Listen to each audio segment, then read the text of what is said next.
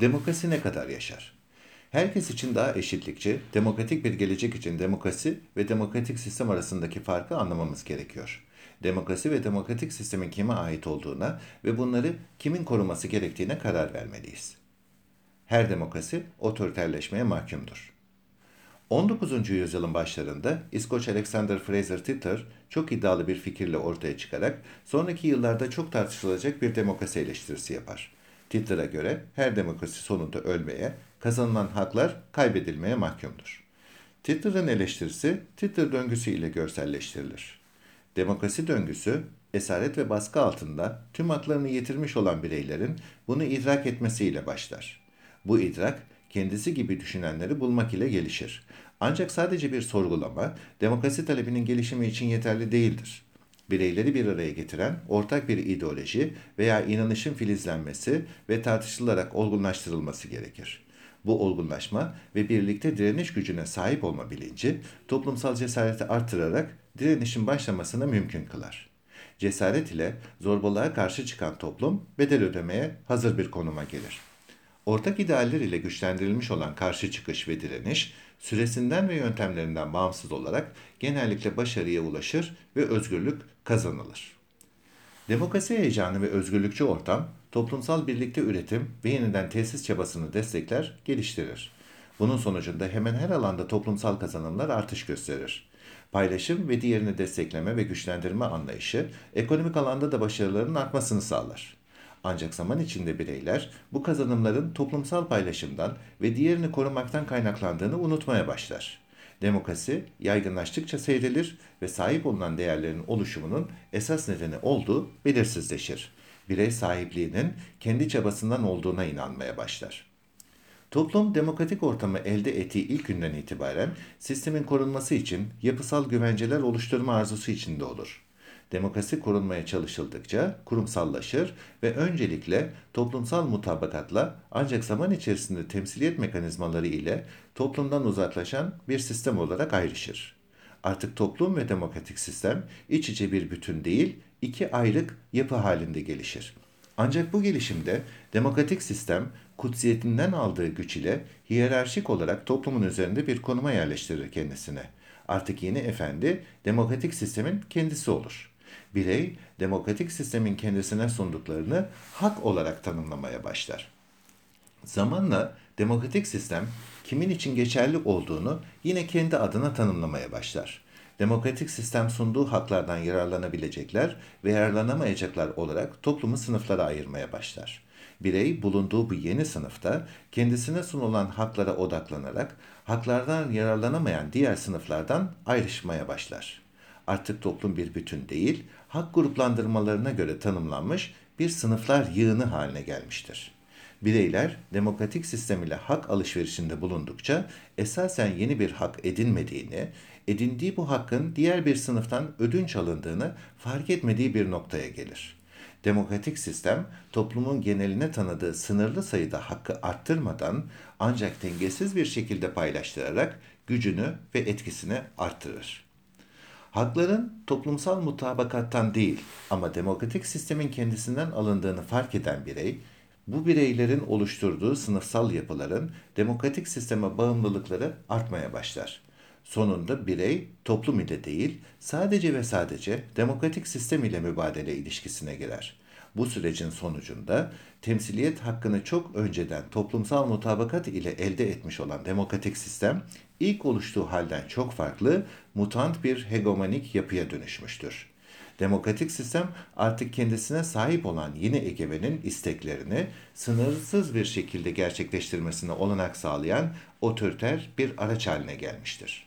İşte Titler bunu dönüşü olmayan nokta olarak tanımlar. Titler'a göre demokratik sistem bozulmaya mahkum bir sistem olarak kendi içinde büyük çelişkiler barındırır. İnsanın doğası gereği her demokrasi otoriter bir noktaya gelecektir. Bu aşamadan itibaren birey ve toplumun işi ise daha zordur. Çünkü artık yeni demokrasi mücadelesi demokrasiye karşı verilecektir. Demokrasi ve demokratik sistem. Antonio Gramsci belki de ömrü boyunca Batı demokrasilerinin güçlü ve gösterişli komünist devrim karşısında nasıl dayanabildiğini anlamaya çalışmıştır. Birçokları tarafından yenilginin teorisyeni olarak tanımlanan Gramsci'nin bu arayışı üzerinde fazlasıyla düşünülmesi gereken bir çaba. Gramsci sorusunu formüle ederken çok doğru bir tanımlama kullanmıştır. Komünist devrim ve onun demokrasi önermesi karşısında batıdaki demokrasiyi farklı bir şekilde ifade etmiştir. Buna göre Titler'ın eleştirisini yaptığı fenomen aslında demokrasi değil, demokratik sistemdir.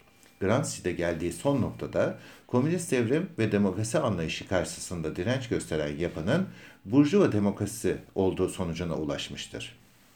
Komünist stratejiyi eleştiren Gramsci, rıza ve zorlama kavramlarını da inceleyerek her iki demokrasi arasındaki çatışma noktasını bulmaya çalışmıştır.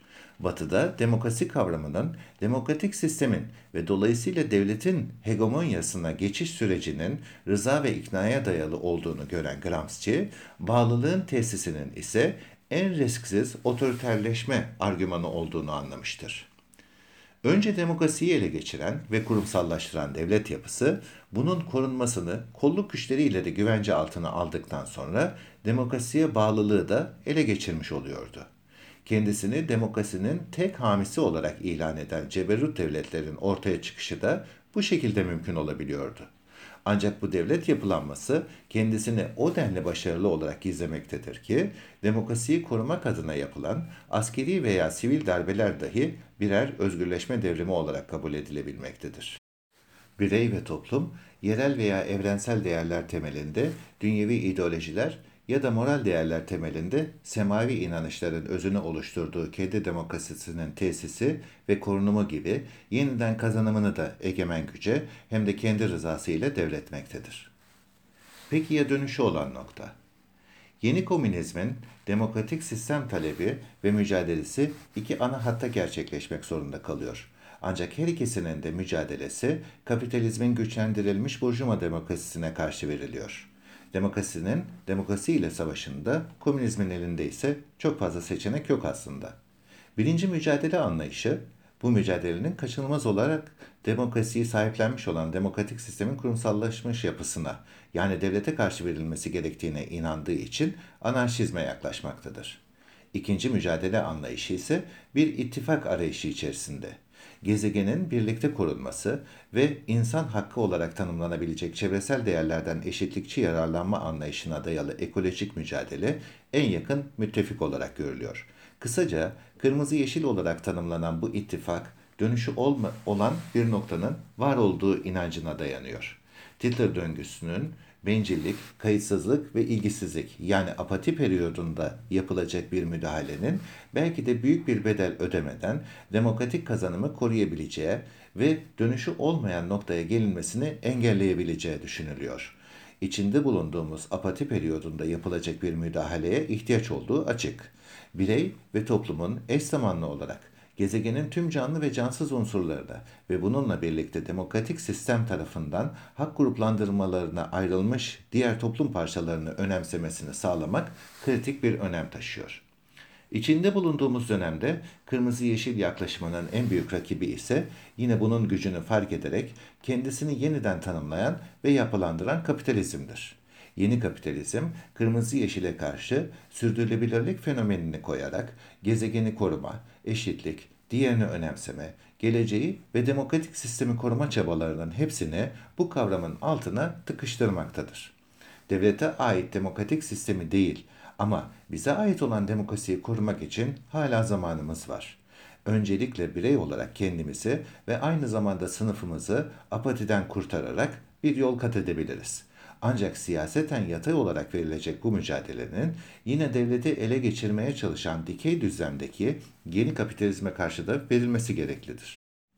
Kapitalizmin geleceğini belirleyecek güçlü manifestolardan görünen halleri WEF ve bunun etrafındaki yapılar tarafından servis edilmektedir. Buna karşı henüz yeterince güçlü ve etkili olmasa da WSF'in çabası da küçümsenmemeli.